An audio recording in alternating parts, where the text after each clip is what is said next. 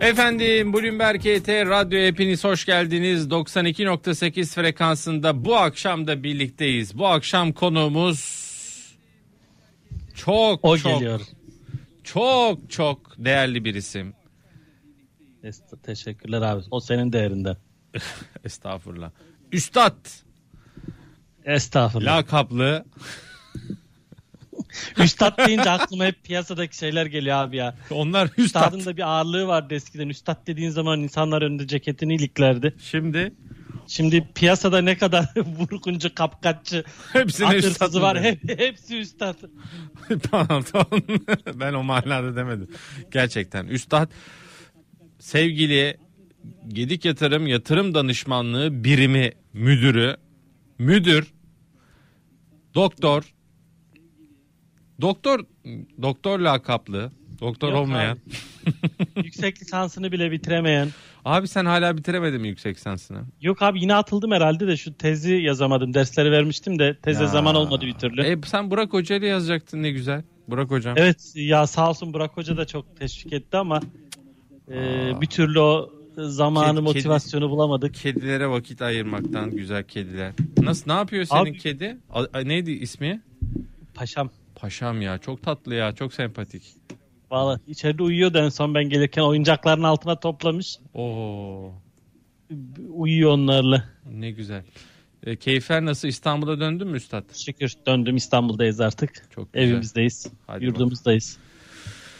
Aşılarını daha geldi mi sıra? Olmadı bize sıra gelmedi. Gelir inşallah. Haziranda gelir Daha inşallah. genç olduğumuz için herhalde bize şeyde falan gelir. Yıl sonunda falan gelir. Yok gelir. Eylül'e kadar gelir inşallah gelecek. İnşallah bakalım. Efendim değerli izleyicilerimiz, Biz- dinleyicilerimiz sizler de hoş geldiniz. 92.8 frekansına Üzeyir Doğan'la sohbet edeceğiz. Sorularınızı yanıtlayacağız. Ee, hem Twitter hem de bizi YouTube'dan izleyenlere de selam ve sevgiler. Şu trafik yoluna bir bakayım. Bugün gündüz bayağı e, ciddi trafik vardı İstanbul'da. Şu anda da %62'yi görüyorum. %60'ın üzerinde bir e, trafik söz konusu. Ee, efendim canlı yayınımızın telefon numarasını da anons edeyim. 0212 255 59 20 0212 255 59 20 Üzeyir Doğan'a e, sorularınızı bu numaradan iletebilirsiniz. Canlı Zor yayınımızın- olmamak kaydıyla. Estağfurullah. Ee, hisse sorularında Üzeyir Doğan yanıtlamak üzere burada. İstersen genel bir borsa yorumuyla başlayalım. Bugün çok yatay bir piyasa var. Haber akışı doğru düzgün yok. 1452'de bir BIST. Amerika iyi, Avrupa endeksleri yukarıda ama bizde bir hareket yok gibi. Nasıl değerlendiriyorsun? Onunla başlayalım. Buyurun. Evet aslında e, geçen hafta da böyleydi. Hani piyasada gelgitler var ama e, çok da keyfi ve e, yön belirleyebilecek bir verisi, e, bir haber olmayan bir piyasa görünümü var. E, geçen hafta yurt dışına baktığımızda Barış, yani Amerika'da bir gün endeksler eksi oluyor. Hemen e, enflasyon endişelerine dair işte söylemler e, piyasalarda satış getirdi. Ertesi gün artı oluyor. İşte Fed'in söylemleri ve enflasyon endişelerindeki azalış e, piyasalarda tepki hareketi getirdi. E, ertesi gün bir daha düşüyor. Bir daha enflasyon endişeleriyle satış geldi. Yani aslında bir haber yok. E, piyasada bir yere gidemiyor. E, bir gün aşağı bir gün yukarı. İşte cuma günü aşağıdaydı. Bugün yukarıda Amerika tarafı. E, gelgitler yaşayan bir piyasa görünümü var. E, bizde de aslında ona uyum sağlıyoruz. Bir gün bakıyorsun bankacılık endeksi iyi bir artı yapıyor. Endeks artıda kapanıyor. Ertesi gün bankacılık satılıyor. Bu sefer e, sanayi endeksi artıda seyrediyor. E, o dengelemeye çalışıyor. Böyle e, yön bulmakta zorlanan e, kararsız bir tablo var. E, burada sıkıntı şu. E, yurt dışında da aynı durum söz konusu. Yani önemli zirveler görüldü. Zirvelerden sonra bir miktar gerilemeyle beraber bu kararsızlıklar oluştu. E, bu kararsızlıklar e, en azından bir önceki zirveler geçilmediği sürece hep risk olacak. Yani ben hep e, başından beri söylüyordum. Yani S&P'ye dikkat edin örneğin diye. S&P tarafında e, daha önceki zirveler iyice güçlenmeye başladı. Buralarda ciddi zorlanmalar görüyoruz diye. Devamında bir miktar düzeltme gördük ama e, tekrar bu zirveleri geçemedik ki bu zirveler 2000 işte 4230 4250 civarında bulunuyor. E, ben e, S&P'de açık söylemek gerekirse burası geçilemediği sürece yani 4230 civarıydı yanlış hatırlamıyorsam e, zirve. Burası geçilemediği sürece hatta 4250 diyelim kabaca olsun 10 puan da şey olsun e, avansı olsun. 4250 geçilemediği sürece S&P'de ben biraz artık e, korkmaya başladım açık söylemek gerekirse. Zaten bir süredir diyordum S&P'de bir düzeltme bekliyorum diye. E, bu zirve geçilemediği her gün bana kalırsa bu düzeltmenin e, habercisi olmaya, yaklaştığının habercisi olmaya devam edecek. E, bizim endekse baktığın zaman bizim endekste de evet yani bir yukarı yönlü hareket gördük ama e, bu yukarı yönlü harekette de burada da geçtiğimiz hafta da konuşmuştuk. 1462 seviyesi daha doğrusu ondan, ondan önceki hafta. Bu Merkez Bankası Başkan değişiminden sonraki süreçte e, yaşanan düşüşün geri dönüşünde %61.8 seviyesiydi. E, geçtiğimiz hafta ve önceki hafta bu 1462 endeksteydi deydi döndü. Yani bu seviyenin üstünde hiç kapanış gerçekleştiremedik. En yüksek kapanışımız da 1460 civarında gerçekleşti.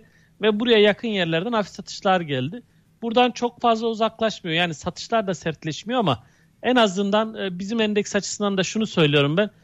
1462 e, üzerinde kapanış görecek olursam ben kısa vadeli yeni bir alım e, denenmesi taraftarı olurum. Çünkü burada hemen o Merkez Bankası Başkanı değişimi esnasında oluşan, er, ertesi gün oluşan e, boşluğun da olacağı 1510'a kadar bir hareket potansiyeli doğar. Bu da yaklaşık e, 60 puan, 50 puanlık, 60 puanlık bir hareket anlamına gelir. Ama 1462 geçilemediği sürece ben bizim endeks tarafında da beklerim. Yani S&P'de bir önceki tarihi zirve geçilemediği sürece e, risk yüksek, beklemeye devam. Bizim endekste de kısa vade için 1462 üzerinde e, kapanış görmediğimiz sürece orada da risk yüksek, orada da beklemeye devam derim ben. Peki bir telefon alacağım 0212 255 59 20'de bizi arayan Bora Bey iyi akşamlar. İyi akşamlar, iyi yayınlar. Sağ olun, nasılsınız? İyi akşamlar. İyiyiz, sağ olun, teşekkür ederim. Sizler nasılsınız? Teşekkürler, buyurun. Ee, ya şöyle bir sorum olacaktı. Sizi de her, her gün dinliyorum. Üzeyir Bey'in yayınlarını da yakın takip ediyorum. Ee, şimdi daha önce e, ki borsada bir çöküş olmuştu. Üzeyir Bey de bunu e, uyarmıştı bizleri. Şimdi benzer bir durum e, geçtiğimiz bir iki haftadır aslında borsada bir sıkışma görüyoruz hepimiz. E, Üzeyir Bey de bahsediyor. E, bu kapsamda da ben e, daha çok kısa pozisyon alıyorum. Ama kısa pozisyonda da borsa çok volatil. E, hisselerde alıyorum. E, o kapsamda iki tane hisse sormak istiyorum aslında. Buyurun. Bir de bu e, volatil borsada özellikle e, Üzeyir Bey e, nasıl bir pozisyon almamızı tavsiye eder. Ben Miyop üzerinden işlem yapıyorum genelde ama hisseleri sorayım. E, bir tanesi Karsan e, aşırı fazla yükseldi son zamanlarda. Bir hikayesi Benim... veya bir şey var mı arka planda bilmiyorum. E, bir diğeri de e, Tekfen'i sormak istiyorum ama e, bu borsada çok stabil kaldı. İkisi hakkında görüş soracaktım. Yani şunu söyleyeyim, e, Karsan bana kalırsa oldukça e, riskli hisselerden bir tanesi. E, yükseldi mi? Evet yükseldi. Ben e, açık söyleyeyim, e, yükselmesi benim için de çok bir anlam ifade etmiyor şu aşamada. Ben otomotiv sektörünün genel itibariyle pahalı olduğunu düşünüyorum. Karsan'ın da burada pahalı olduğunu düşünüyorum. Hani 4 lirayken de aynı şeyi söylemiştim. Şimdi 5 lira oldu. Yani ciddi bir yükseliş gerçekleştirdi. Aynı şeyi daha da arttırarak söylerim. Yani özellikle vadeli piyasada işlem yapıyorsanız hani Karsan gibi volatilitesi yüksek şirketlerde e, oldukça temkinli olmanız lazım. Yani buradaki hem e, hissenin e, vadeli sözleşmenin derinliği açısından e, hem e, genel buradaki volatilite açısından e, bence ekstra ekstra dikkatli olmanız lazım. E, burası hani çok yüksek kaldıraç kullanılacak bir e, ürün değil bana kalırsa. Genel itibariyle evet e, pahalı olduğunu düşünüyorum ama geçmişte de hisse fiyatlarının e, çok volatil, zaman zaman pahalı dediğimiz seviyelerinde çok üzerine çıkabildiğini gördük. E, o nedenle hani e, ekstra bir e, şey tahmin yapmak zor. Yani örneğin Tofaş'a bakın piyasada. E, Karsan'a göre çok daha sağlam, sağlıklı finansal sonuçları var. E, evet. Şirketin piyasa değeri, defter değeri rasyosu dörtler civarı yanlış hatırlamıyorsam. Karsan'ınki altı üzerinde. Yani e, ve Karsa'nın finansal açıdan da ben e, çok başarılı bulmadığım hatta başarısız bulduğum şirketlerden biri. O nedenle ben bu fiyatların e, pahalı olduğunu düşünüyorum ama bu şu demek değil yani bu hisse yükselmez demek değil. E, gördüğünüz gibi geçmişte de yükseldi yine yükselebilir ama evet. sonrasında e, hüsran olabilir buna dikkat etmek gerekir diye düşünüyorum. Tekfen tarafını şunu söyleyeyim e, yani gerçekten e, hani genel piyasaya göre zayıf kalıyor yani piyasanın yukarı gitmeye çalıştığı dönemde de mesela şu son dönemde e, genel itibariyle zayıf kaldı. E, ciddi sıkışmalar var. Aşağı yönlü bir trend var. Bu trendten kurtulamadı. Ben e, bu nedenle burada da biraz e, hani burada aşağı yönlü pozisyon alımını e, belki daha sağlıklı görebilirim. Çünkü en azından niye? Burada hani bir düşüş trendi var. E, bu trendin e, kırılmasını e, görmek lazım ki bir e, şey olsun. Hani e, güçlendiğine dair bir şey görsün. Hani kabaca 16.80 hem trendin hem ortalamaların bulunduğu yer. Burası geçilmediği sürece bence e, yükselişlerde bu trendin altında kaldığı sürece aşağı yönlü pozisyonlar e, zaman zaman denenebilir. Yani burası belki biraz daha alternatif e, olabilir.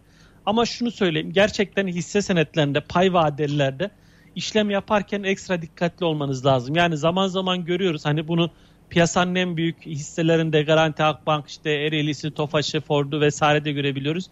Bir anda bir bakıyorsunuz hisseyi belki çok etkileyemeyecek bir gelişme olsa bile bir anda e, tavan taban fiyatlar görülebiliyor. Eğer pay vadeli de işlem yapıyorsanız benim size tavsiyem asla ve asla tek hisse senediyle işlem yapmayın. Portföyü çeşitlendirmeye mutlaka dikkat edin derim bu süreçte de. Peki. Çok teşekkür ediyorum. Ya- Son e, bir genel sorun mu olabilir mi izninizle eğer vaktiniz çok almadıysam? Buyurun. Ee, e, şimdi e, yayınlarınızda sürekli bahsediyorsunuz aslında. Emtia fiyatları da belli bir noktaya geldi. Hisse senetlerinde de bir sıkışma var. E, fon olarak da ben yatırım yapıyorum ama e, bu dönemde Amerikan tahvillerinde de bir artış bekleniyor sanırım. Avrupa'da da faizlerde de yavaş yavaş yükselme var. E, fon olarak hani uzun vadeli fon olarak e, bu tahvil ve faiz artışlarından faydalanabileceğimiz bir fona geçiş yapmak istesem e, emtia fonundan e, geçiş önerir misiniz bu dönemde? Ben yoğun emtia fonu taşıyorum. E, Orada biraz sat, bir, Ben emtialarda beri biraz hala satış potansiyel olabileceği kanaatindeyim. Yani biraz satış vardı demir çelikte vesairede ama ben bunun e, düzeltme olduğu kanaatindeyim. Emtialar bana kalırsa e, hisse senetlerine nazaran e, daha cazip gibi, gibi gözüküyor. Amerika tarafında da ben faizlerin yükseleceği kanaatindeyim. Bu 1.70'ler civarının da üzerine çıkıp e, biraz daha yukarı gidecektir. Bir iki tane olumlu istihdam verisine bakıyor bunlar. Geçtiğimiz hafta haftalık e, işsizlik başvuruları iyi geldi. E, bu hafta da haftalıklar var ama bir, bir tane tarım dışı istihdam verisi ki geçen ay, ayın verisi bazı çok kötü. Yani beklentinin dörtte 288 biri bin geldi. gelmişti. Evet. E, yani bir tane iyi tarım dışı istihdam verisi, e, saatlik kazançlar vesaire e, piyasada faizlerin çok hızlı yükselmesini sağlayabilir Amerika tarafında. Hani faiz yükselişinden faydalanabileceğiniz bir enstrüman bulabilirseniz onlar da değerlendirilebilir alternatif olarak. Evet. Tamam. Bir de Çok tematik fonlar falan var. Bilmiyorum hiç bakıyor musunuz bazı e, portföy şirketlerine? Yani tema, Var. Aynen yani işte Evet. enerji, işte elektrikli enerji, elektrikli teknoloji. enerji, teknoloji, işte e, sürdürülebilirlik fonları vesaire. Hani e, tematik fonlar var. Tematik fonlar da Evet. var ilginizi çekerse. Birçok sadece tek Evet. kurumda değil birçok kurumda var. Onlara şöyle- açıkçası ama affedersiniz lafınızı böldüm Üzey Bey. Ee, baktım açıkçası ama onlarda da borsada geri çekilmeden dolayı ben çekiniyorum. Ee, Evet. Geçiş yapmaya.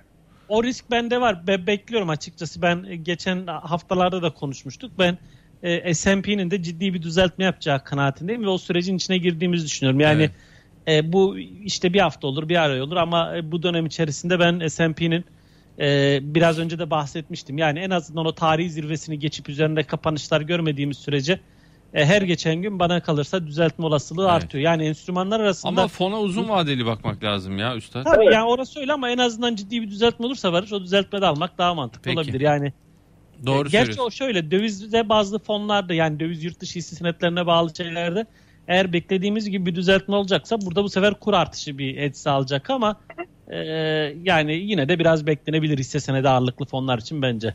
Ben yurt Teşekkürler. emtia fonunu bu söylediğiniz sebepten e, taşıyorum hala aslında. Dolardaki artış hedgelediği için hani bir yandan da taşımaya Bence- devam ediyorum. Mantıklı dediğim gibi hem Amerika'da faiz yükselişinden etkilenebilecek hem de ilk etapta emtialar tarafındaki yükselişten e, faydalanan fonlar bence e, tercih edilebilir Teşekkürler. nitelikte kur etkisi nedeniyle de. İyi akşamlar çok sağ olun efendim. Siz sağ olun çok sağ olun. İyi yayınlar efendim. Sağ olun 0212 255 59 20'de. Yusuf Bey merhaba. Merhaba efendim. Ee, Buyurun. ben çok kısa e, iki tane hisse soracağım. Tamam. Birincisi Gedik Yatırım, ikincisi Vestel. Ee, Gedik Yatırım'da e, yabancı lot satışından sonra bir daha bu hisse düzelmedi. Bunun gidişatı nereye doğru onu merak ediyorum. Ya Gedik yatırımı şimdi en iyi yüzeyi Doğan bilir falan diyeceğim ama yok. Kendi kurumu ko- konusunda yorum yapamaz ama özür dileyerek söyleyeyim. Hani Evet Yani yani, kusura yorum- bakmayın. Tamam, bu konuda hani bana çok fazla soru Yani geliyor. etik- Yaptığım yayınlarda da Ya da doğru yükseldiğinde sanki yükselten ben, düşünce düşüren benmişim gibi de bir algı oluşuyor bazen. Hani Twitter'da... Yok yani ben aslında onun için sormadım. Gedik yatırımdan olduğunuzu bile bilmiyorum. Ee, kusura bakmayın. Ee, Ha, estağfurullah. a- a- Yok bu ama sizin özelinizde değil ama gerçekten Twitter'da mesela bana çok fazla yani etiketleyip ya da şey yapıyor. Hani sonuçta kurumun çalışanıyız ve ekranda sağda solda e, gözüktüğümüz için hani sanki e, Sorumlu senmişsin gibi. sorumlu benmişim gibi bir algı oluşuyor bazen. ya Hani şimdi ben- öyle, öyle konuşunca da sanki bir baskı hakikaten kurumda bir baskı var gibi bir hisse daha çok kapılıyoruz biz şu anda. Hayır. Şimdi şöyle, ben şöyle şunu söyleyeyim, söyleyeyim özür yani, dilerim. e, Sen Üzeyir aslında- abi bir şey söyleyebilir miyim? Bu şöyle bir etik ya- yaklaşım var sadece gedik yatırım için değil. Herhangi bir e, kurumda çalışan e, bir e, çalışana kendi kurumuyla ilgili hisse senedi yorum yapmak etik açıdan yanlış. Yani iş yatırımdan bir konuğumuz olsaydı ona iş iş yat ne olacak deseydi o da yanıtlamayacaktı. Gedik yatırımdan Tamam o zaman olduğu için yani anlatabiliyor? Bu genel bir yaklaşım. SPK kuralları var. Ee, yani kendi kurumuyla ilgili bir yatırım tavsiyesi falan yer, yatırım vermek tavsiyesi yanlış olur. zaten. Ee, Yorum da yanlış olur. Yorum yorum istemiştim. Tamam. O da yanlışsa o zaman e, perşembe günü arayacağız. E, o zaman öyle yapın. Diğer hisse neydi? West Ham. Vestel, Vestel. Yerde ve- Tamam çok teşekkür ederiz. Tamam Sadece görüşmek şunu üzere. Ben şey hani- yapacağım. Radyodan araç- dinleyebilirim. Tamamdır teşekkür Aracı ederim. kurum hisselerine baktığınızda 3 aşağı 5 yukarı benzer grafikler var. Yani o nedenle hani biri böyle gidiyor öbürü bu falan değil. Yani sektörün genel beklentileri, fiyatlamalarını da hani e, biraz bu tarafta e, dikkat etmek gerekir diye düşünüyorum. Yani en azından bir hisse aldığınızda e, o sektördeki diğer hisseler ne yapmış? E, bunları da bir görmek lazım. Yani e, son dönemde birine özgü bir hareket var mı? Hepsinden benzer hareketler gerçekleşiyor vesaire. E, tüm hisse grupları için bu geçerli elbette. Vestel şunu söyleyeyim yani teknik olarak e, beğendiğim hisselerden bir tanesi. Kısa vade için de güçlü duruyor. E, biz e, bu sabah e, haftalık bültenimizde de Vestel'i öneri olarak vermiştik. E, fena da bir performans sergilemedi haftanın ilk gününde.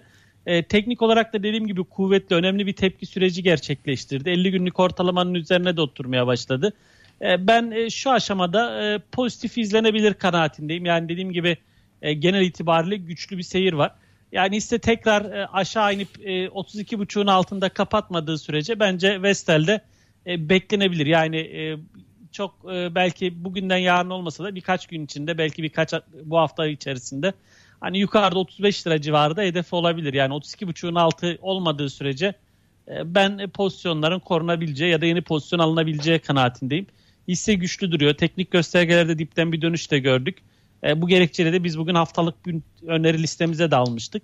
E, genel itibariyle e, dediğim gibi 35 lira civarına kadar da kısa vade için bir potansiyel sunduğu kanaatindeyim. Peki bir telefon daha alacağım. 0212 255 59 20'de. Ayhan Bey merhabalar. Ha, Merhaba Barış Bey, iyi yayınlar dilerim. Sağ olun hoş geldiniz. Buyurun Üzeyir Bey konuğumuz. Ha, Üzeyir Bey'e de selamlar. Ee, Selamlar, ben Üzey, Üzeyir Bey'e 3 tane hisse sormak istiyorum mümkünse. Birincisi Gedik Yatırım. Yok o. şaka yapıyorum. Yok yani e, Tekfen ya bu Tekfen'in çok Neden kasasını- gitmiyor? Biraz Kasasında önce da çok para var. konuşmuştuk. Evet. Tekfen Tek- neden gitmiyor? Evet. bir tek feni bekli sormak istiyorum. Bir ikincisi Teknosa. Üçüncüsü de bu İhlas grubunun hisseleri çok düşük. Yani bir yılın dibinde. Bunlar buralardan alınır mı? Bi- Bilmediğimiz bir şeyler mi var? Yani çok ucuz gibi gözüküyor. Yani bir yılın dibinde habire de düşüyor. Endeksin 1300'den 1450'ye giderkenki döneminde de hiç tepki vermedi. Bizim bilmediğimiz bir şey mi var acaba? Bir de bu ihlası sormak istiyorum son olarak. Teşekkür ederim. Teşekkürler. Ee, Tekfen'i biraz önce cevaplamıştık aslında. Hani burada bir düşüş trendi var. O trend kırılmadığı sürece e, ben e, burada biraz negatif tarafta kalınabilir kanaatindeyim. Biraz önce de onu bahsetmiştim. Yani 16.60, 16.80. Hani bu bölgeler e, trendi hassas çiziminize göre bakabilirsiniz. Siz de o son düşüş trendi e, Şubat'tan itibaren gelen e, düşüş trendi. O düşüş trendi kırılmadığı sürece yeni alımı gerektirecek bence bir atmosfer yok. E, yani biraz daha aşağı yönlü potansiyel bence e, burada daha olası gözüküyor.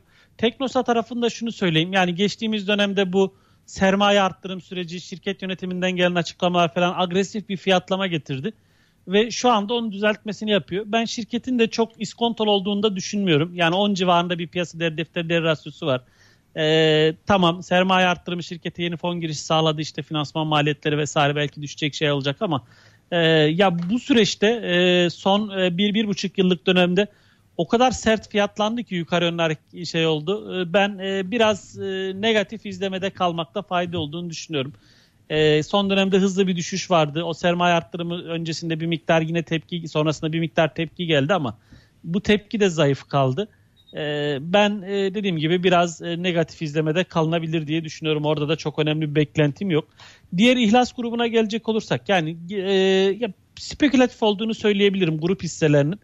E, dönem dönem çok sert hareketler görebiliyoruz. E, ama e, şunu da söyleyeyim. Hani e, bu Kanal İstanbul, İstanbul. süreci biliyorsunuz. E, yine bir e, spekülasyon yaratabilir mi? Evet yaratabilir. Çünkü geçtiğimiz hafta da açıklamalar vardı. Haziran ayı içerisinde bu Kanal İstanbul üzerinden geçecek ilk köprünün temeli atılacak dendi. Bu köprü karadan karaya mı olacak şu aşamada bilmiyorum. Yani nereden geçecek altından su geçiyor mu şu an? Onu ben bilmiyorum. Ee, Köprü, hangi... Köprüyse altından su geçecek abi nasıl olsun? Ya sonrasında geçecek de şu an geçen bir yerim yapılıyor onu bilmiyorum. Yani nereye köprü yapılıyor nedir ne değildir bilmiyorum. Ama oh. bir köprü yapılacak. O köprünün köprü yapılma var. süreci, e, açıklanması, da o inşaat temel süreci e, gelecek ay e, bir e, hareketlilik yaratabilir mi? Evet yaratabilir. Yani e, bu açıdan e, spekülatif hareketlere açık e, bu bir aylık dönem içerisinde. E, bu o gözle izlenebilir bu ay için. Peki. Fazla risk almamak kaydıyla. Peki bu uyarıyı da aldık. Bir telefon daha alacağım. Murat Bey iyi akşamlar. İyi akşamlar diyorum, iyi yayınlar. Sağ olun, buyurun efendim. Konuğumuza 3 tanesi soracağım ama eğer bilgisi dahilindeyse. Tabii ki. Ee, GSD Holding ee, yani uzun zamandan beri ucuz kaldı. E, bayağı bir düşük kaldı. Ee, hala taşımakta fayda var mı? Trend nedir onu merak ediyorum. Ee, bir de Ostim ve Kardemir de. Ostim Kardemir de. ve Kardemir evet. Şimdi GSD Holding'de şunu söyleyeyim. Gerçekten piyasaya göre iskontolu kaldı ve çok agresif satıldı yani şu e, son e, birkaç aylık dönemde. E, bir tepki denemesi var ama çok cılız kaldı. E, hacim de oturmadı. Yani o nedenle ben bu tepkinin de e, kalıcı bir yükseliş getireceğini düşünmüyorum. Sanki tekrar bu 500 günlük ortalama civarı daha önce bir test edildi oradan tepki gelmişti. Bir kez daha orayı ve altını test etme potansiyeli var gibi. Yani varsa da mevcutta pozisyon yeni alım için bence çok ciddi bir sinyal üretmiyor ama e, varsa yeni mevcutta pozisyonunuz bana kalırsa 500 günlük ortalama e, 1.66 civarı. Burası artık e, orta vade için stop seviyesi olması lazım. E, ciddi marj var burayla farkındayım ama Oraya kadar da önemli bir referans eşiği yok. E, ben e, şu aşamada en azından biraz beklenebilir diye düşünüyorum. Yeni alım düşünüyorsanız da bu 500 günlük ortalamaya yakın alıp e, buranın altında satış denenebilir. E, öncesinde biraz e, negatif kalınabilir. Yani çok ciddi bir tepki potansiyelini şu aşamada görmüyorum. E, Kardemir tarafına geçecek olursak yani demir çelik sektörü çok kuvvetli gidiyor. Finansallar da iyi gidiyor. E, demir çelik fiyatlarında geçtiğimiz haftalarda bir miktar düzeltme vardı. Onun etkisiyle hem Kardemir hem Ereğli e, hem İskenderun demir çelik bunlarda satışlar gördük ama ben biraz önce de bahsetmiştim başlangıçta bu demir, emtia fiyatlarındaki geri çekilmelerin şu aşamada biraz sınırlı kalabileceği kanaatindeyim. Tekrar yükselişler görebiliriz. Bu yükselişler de bu hisselere yarayabilir. Ben bu nedenle Erdemir, e, Kardemir ve İskenderun Demirçelik için potansiyelin devam ettiğini düşünüyorum ve bu kısa vadeli geri çekilmelerinde alım fırsatı olarak değerlendirilebileceği kanaatindeyim. Yani e, benim gözümde hala e, değer ifade ediyorlar. Trendin tersine döndüğünü düşünmüyorum şu an itibariyle. E, Ostim tarafına gelecek olursak yani gün içi volatilite bile yeri geldiği zaman yüksek olabiliyor. E, hissenin e, teknik görünümü bana kalırsa ciddi zayıf. Yani e, 3 liralar civarında çok güçlü dirençlerle karşılaşıp devamında bir düzeltme sürecine girmişti e, 2.20 civarında kısa vadede bir ikili dip oluşturup buradan tepki görülmüş ama e, bu tepki çok güçlü değil ve satışlar tekrar kuvvetleniyor e, ve satış esnasında hacimlerin de artmaya başladığını görüyoruz tekrar. Ben e, şu aşamada biraz yönün aşağı olabileceği kanaatindeyim. E, biraz e, burada dikkatli olmakta fayda olur diye düşünüyorum. Peki çok teşekkürler. İyi akşamlar e, diliyoruz. Üzeyir Doğan'la olan sohbetimiz devam ediyor. Hasan Bey, Üzeyir Doğan problem yok değil mi? Yok Merhaba, devam abi. Iyi, akşam. iyi akşamlar Hasan Bey buyurun. İyi akşamlar Barış Bey, iyi akşamlar Üzeyir Bey. Nasılsınız? İyi akşamlar. Buyurun. Teşekkürler. Ee, Üzeyir Bey ben e, boya grubunu sormak istiyorum da mevsimsel olarak tam da dönemine geldik. Marshall ve Biyoboya ile ilgili yorumunuzu almak istiyorum. E, bilançoları bizce iyi ama sizce nasıl? Bir de onu yorumlarsanız sevinirim. Teşekkürler. İyi akşamlar. Teşekkürler, iyi akşamlar. Şimdi şöyle söyleyeyim. e, Gerçekten e, spekülatif fiyatlanabilen hisseler Boya mevsimi Ee, geldi hocam. geldi ama inşaat sektörü de çok canlı değil. Yani illaki faydası olur belki ama yani e, hani geçmiş yıllarda özellikle boya sektörü geldi işte e, yükselim e, diye de e, bir şeyi yok. Yani geçmiş performansları yok. E, o açıdan hani e, çok ekstrem e, fiyatlamalar görür müyüz bilmiyorum. Ki Diyoboya geçtiğimiz dönemlerde yani şu bir yıl öncesindeki dönemde e, çok agresif fiyatlamalar görmüştük. Yani ciddi spekülatif hareketler söz konusu oldu. Sonrasındaki yükselişlerde de hep satışlar geldi. Yani böyle bir e, hani e, kaldırıp tepesine vurma gibi yani böyle yükselişlerden sonra baktığınızda merdiven gibi her yükselişten sonra bir satış, her yükselişten sonra bir satış var. E, ve bu satışlar daha sert geliyor. Bu açıdan ben e, biraz e, dikkatli olmak gerektiğini düşünüyorum. E, özellikle diyor tarafında. E, yine Marshall'a bakacak olursak yani orası için de yani e, sezon geldi fiyatlama olur e, beklentisinden ziyade işte e, geçen seneki o e, aynı döneme hemen hemen tekabül eden sert fiyatlamalar sonrasındaki genel trende bakmak lazım. İkisinde de genel trend e, bana kalırsa biraz sıkıntılı. Marshall tarafında e, piyasa değeri defter değeri 20'nin üzerinde 25'e yakın. Yani e, bu fiyatlar e, bana çok şey gelmiyor.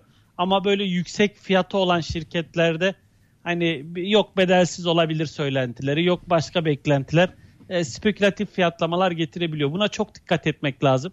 Yani bu hisse örneğin e, 2020'nin Mart ayında e, 50 liraydı. Bugün e, 320 lira kabaca.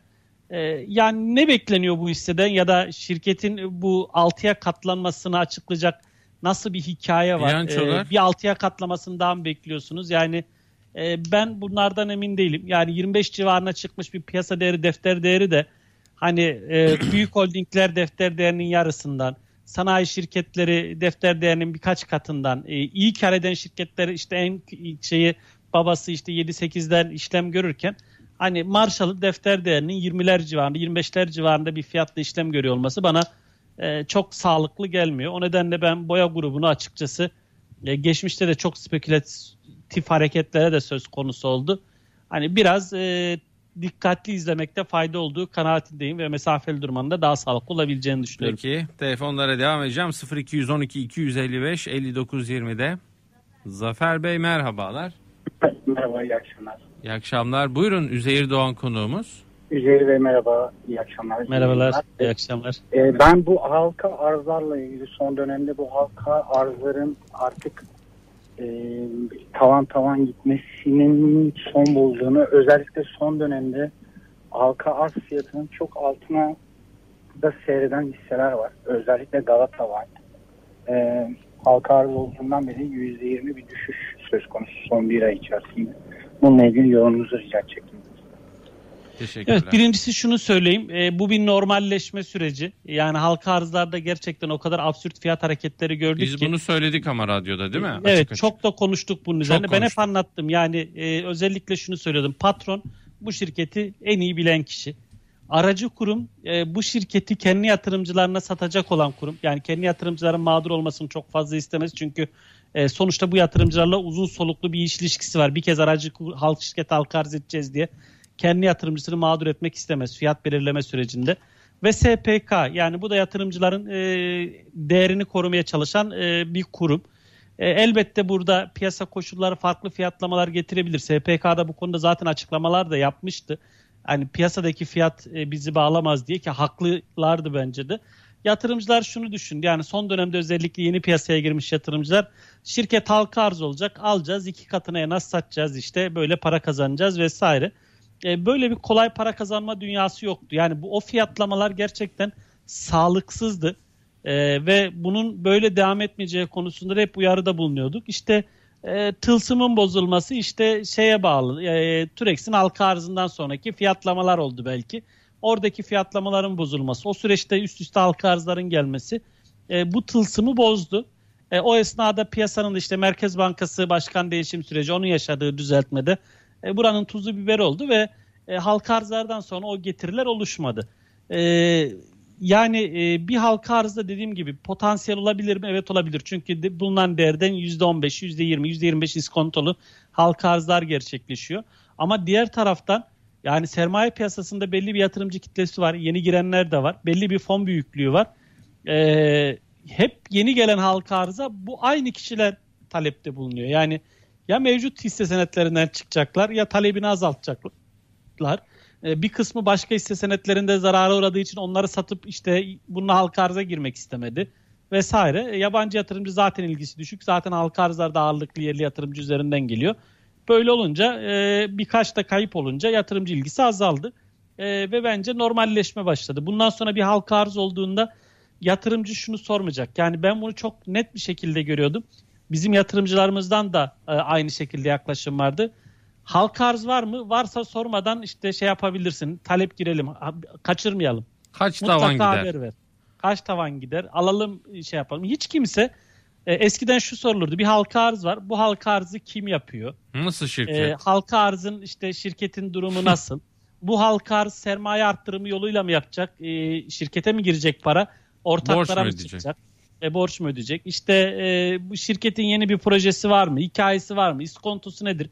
E, eskiden yatırımcıya halka arzda hisse satabilmek için e, biz arardık. Yani bakın böyle böyle bir halka arz oluyor. Şu avantajları var, şu riskleri var vesaire yatırımcı e, o halka arza katılsın diye bir talep olurdu.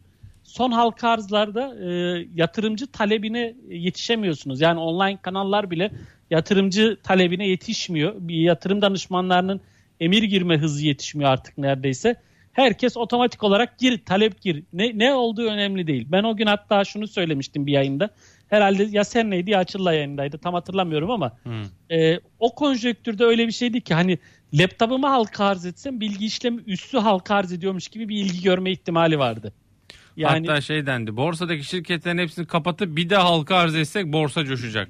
Aynen öyle yani neye halka arz ettiğin hiç önemi yok. Yeter halka arz var mı ya siteler falan kuruldu halka arz var mı.com vesaire gibi Şaka yani böyle atıyorum ismi de yani gerçekten bu tarz siteler vardı yani belki de tam adı halka arz var mı yok.com olabilir emin değilim yani atıyorum şimdi ismi de. E, Yeni halkaarz.com olabilir. Yani bu tarz siteler vardı. Oradan yatırımcılar birbirine yeni halka arz var talep girelim. Yeni halka arz var talep girelim. Neye girdiği hiç kimsenin umurunda değildi. Ee, burada gerçekten SPK çok zor da bir görev üstlendi. Çünkü çok ciddi başvuru var. O başvuruları inceliyor, değerlemelere müdahaleler oluyor, görüşüyor vesaire ama yani değerlemeler vesaire makul ölçüler bulunduktan sonra da piyasaya çıktıktan sonra piyasadaki fiyatlamada SPK'nın yapabileceği de çok bir şey yok. İşte kimi 7'ye katlıyor, kimi %20 değer kaybediyor. Bu ayrı bir senaryo. E, bundan sonra en azından biraz daha seçici olmak lazım. Sadece borç ödemek için halka arzçılan değil, e, büyüme hikayesi olan, ortak satışı değil de şirkete parayı sokup yeni hikayesi olan e, bu tarz e, şirketlere yönelmek e, daha doğru olacak. Yani her halka arzdan aynı performansı beklememek lazım bundan sonra. Bir telefon daha alacağım sonra araya araya gideceğiz. Erhan Bey iyi akşamlar. İyi akşamlar merhaba. Nasılsınız? Ya, sağ olun Barış Bey siz nasılsınız? Çok teşekkür ederim buyurun. Ya iki tane hisse soracağım ben Üzeyir Bey'e. bir tanesi bir tanesi Ford Auto. Ford bu Volkswagen'le beraber Türkiye'de bir işte bir elektrikli araç üretme e, durumu vardı. Bir 2 milyar euroluk yatırım yapılacaktı falan derken bu kağıt 240 liraya gitti. Şimdi 170 lira falan geri geldi. Bu dünya çapındaki herhalde çip krizinle beraber ben ona bağlıyorum çünkü düşmesini. Ondan sonra bu, bu bunun hakkında bir yorum alacağım. Bir Migros ikisini soracağım. Bir de ben çok kısa hemen şöyle bir şey yapıyorum. Ben günlük faiz almak için Viyop'ta paramı tutuyorum. Normal şartlarda bu hoş geldin faizi yapan bankalar var ya. Evet. O, evet. Yani o, o seviyeye yaklaşıyor mudur acaba Viyop'ta aldığım faiz? Ben hiç onu ee, hesaplayamıyorum da mantıklı mı sizce böyle bir hareket? Nuri de ya tavsiye eder Şu an bunu. ben de tam evet. oranı bilmiyorum ama gerçekten Viop tarafından emalandırma oldukça kuvvetli. E, çünkü Viop e, teminatı toplam e, değerlendiriyor. Hem sizin boşta kalan paranızı hem pozisyonda olan paranızı. Yani hepsi toplamdan e, teminatlandırmaya gidiyor. Ve o NEMA e, yatırımcıya aktarılıyor. Hani to, havuz büyük olduğu için oradaki e, şeye verilen faiz de iyi oluyor. E, yani genel o, itibariyle... Orada bir stopaj oluyor ama değil mi gene de? Tabii yani sonuçta bir faiz var. Faiz gelirinden stopaj düştükten sonra net kısmı sizin hesabınıza yansıyor. Ee, yani e, orada faizli enstrümanların hepsinde benzer stopajlar var. Yani orada da yine stopajı E, kurum kesiyor size net olanı yansıtıyor. E, ben e, makul olduğu kanaatindeyim. Yani en azından e, boştaki parayı işte likit fona vesaire yaktarmak yerine gece e, Viyop'ta e, nemalandırmak e, daha e, karlı bir yaklaşım. O hoş geldin faizlerine de yakın bir faiz vardır diye düşünüyorum. Belki üzerinde bile olabilir ama bununla ilgili daha sağlıklı bilgi örneğin e, işlem yaptığınız kurum eğer Gedik yatırımda hesabınız varsa bizim Viyop departmanınızı aradığınızda o günkü e, NEMA oranını size söyler. Şu anki güncel oranı bilmiyorum e, açık söyleyeyim. Ama Viyop departmanları bu birimi çok rahat bir şekilde size söyleyebilir. E, oradan Tamam. bu bilgiyi alabilirsiniz. Makul bir strateji bence. Evet. Hatta mantıklı bir strateji.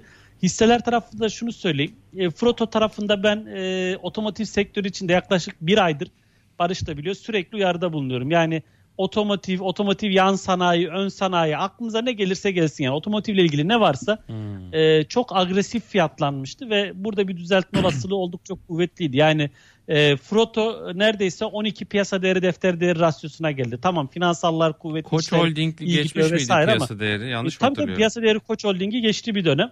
Ee, şu anda da ben çok iskontolu olduğu kanaatinde değilim. Evet e, 250'lerden e, geldi buralara geldi ama yani örneğin bir Tofaş'a baktığınız zaman Tofaş'a göre e, bence hala yukarıdan fiyatlanıyor. Yani tarihsel ortalamaların da çok üzerinde fiyatlama var.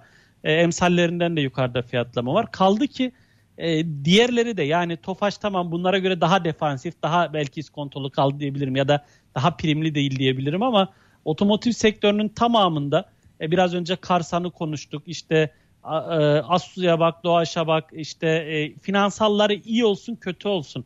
İşte biraz daha küçük ölçekli yan sanayiye git, boş fren, Ege Endüstri, Federal İzmit Piston, oradan geç işte şeylere, lastiklere, e, ona geç ham madde sağlayanlara vesaire. Hepsinde e, bana kalırsa fiyatlamalar e, çok yüksek seyrediyor. E, ben e, bu düzeltmelerin biraz daha devam edebileceği kanaatindeyim hala. Genel itibariyle otomotiv sektörünü son düzeltmelere rağmen hala pahalı bulduğumu söyleyebilirim. Migros yani. bir de vardı E, sanırım. Migros var. Ben Migros'un e, diğer birçok şirkete nazaran iskontol olduğunu düşündüğüm şirketlerden bir tanesi. E, satış e, tarafı, faaliyet karlılığı tarafı bunlar e, pozitif yansıyan unsurlar. E, ben orta uzun vadede iki ay olabileceği kanaatindeyim ama kısa vadede bir şey bekliyor musun dersen e, bugün al yarın sat için çok e, güçlü değil açık söyleyeyim. Ama geri çekilmelerde yani şu an 36 civarı 500 günlük ortalamada hemen hemen 30-31 lira civarında. Yani bu bant içerisinde bence orta uzun vade için toplanıp biriktirilebilir ama e, dediğim gibi bugünden yarına bir heyecan oluşturur mu ondan emin değilim. Yani kısa Peki. vade için çok büyük beklentim yok orada da. Üzeyir Doğan bir araya gideceğim. Sonra buradayız. Görüşmek üzere. Efendim Üzeyir Doğan Gedik Yatırım Yatırım Danışmanlığı Müdürü konuğumuz. Barış'ın sesindeyiz. Ee, kendileri sağ olsunlar bizlerle beraber omuz omuza e, bu radyo programımızı sürdürüyoruz. Omuz omuzda. Allah bereket versin. Üzeyir Doğan iki soruyla bitireceğiz demiştik. Koç Holding ve bankaları rica edeyim. Buyurun. Ee, Koç Holding şöyle biraz önce de aslında kısmen bahsettik. Yani e, kendi iştiraklerine göre de e, oldukça iskontolu fiyatlanan hisselerden bir tanesi. Ben e, uzun vadede ciddi hikaye oluşturabileceği kanaatindeyim. E, bu nedenle de hani biraz daha e, birikim yapma niyetindekiler için yani alıp bir yıl, iki yıl, üç yıl işte bunu biriktirecekler ya da toplayacaklar için makul hisselerden bir tanesi olduğunu düşünüyorum. Ee, kısa vade için ama burada da zayıflık söz konusu. Ee, tamam ortalamalar çok birbirine yaklaştı. Bunların altına çok fazla inmeyi isteği yok. Özellikle 17,5 lira civarı daha önce de test ettiğimiz alanlar. Ee, bu bölgelerin altına çok belki inme isteği yok ama yine de sıkışma var. Ee, kısa vadede çok ciddi bir getiri sunmayabilir. Ama dediğim gibi sabredebilecekler için, e, düştükçe toplayabilecekler için makul hisselerden bir tanesi. Bankalar tarafında da şunu söyleyeyim. Yani gerçekten piyasanın geneline göre çok iskontolu. Son haftalarda biraz tepki hareketi var ama buna rağmen piyasanın geneline göre Ama aşırı iskontolu. garantide ama falan bayağı hareket oldu ama abi ya. tabii %20'lik. %8'ler onlar gittiler yani şeyler. Dipten Ee, %20.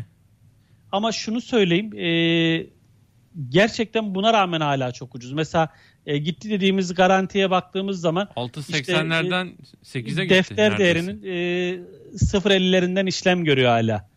E, Yarısı hala.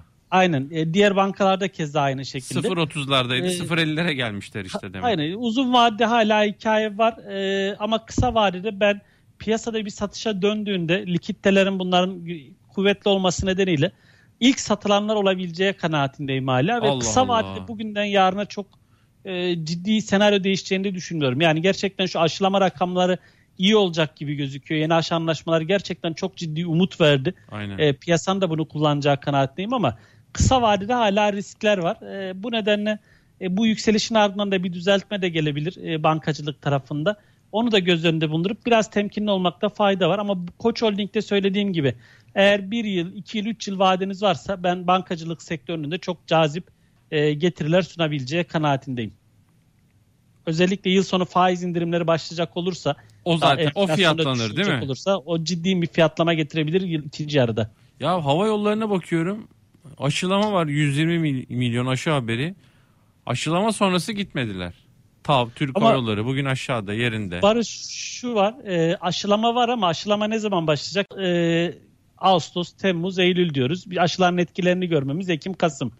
E, o toplumun istendiği aşılamalar ulaşma. Yani turizm sektörü e, Mayıs bitmişti zaten. Haziran, Temmuz büyük oranda Ağustos'ta ciddi sıkıntılar olacak. Tamam işte turizm çalışanları vesaire aşılanıyor ama genel algı yurt dışında hala bozuk. Yani e, F1 gitmiş, Şampiyonlar Ligi finali gitmiş. Yani yurt dışında bunun oluşturduğu algıyı düşünsene. Türkiye tatile gideceksin.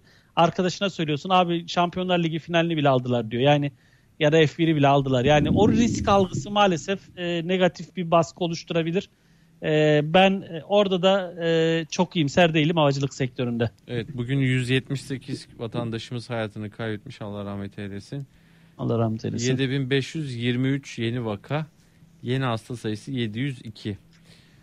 Bu birkaç gün daha bu salgının e, kısıtlamaların etkilerini, biz tam kapanmanın etkilerini, bayramın etkilerini Görmeye yeni yeni ediyoruz. görüyoruz. Muhtemelen birkaç gün daha bunu görürüz. Ondan sonra da yeni adaptasyon sürecinin etkilerini görmeye başlarız. Yani etkisi diyorsun. aynen aynen.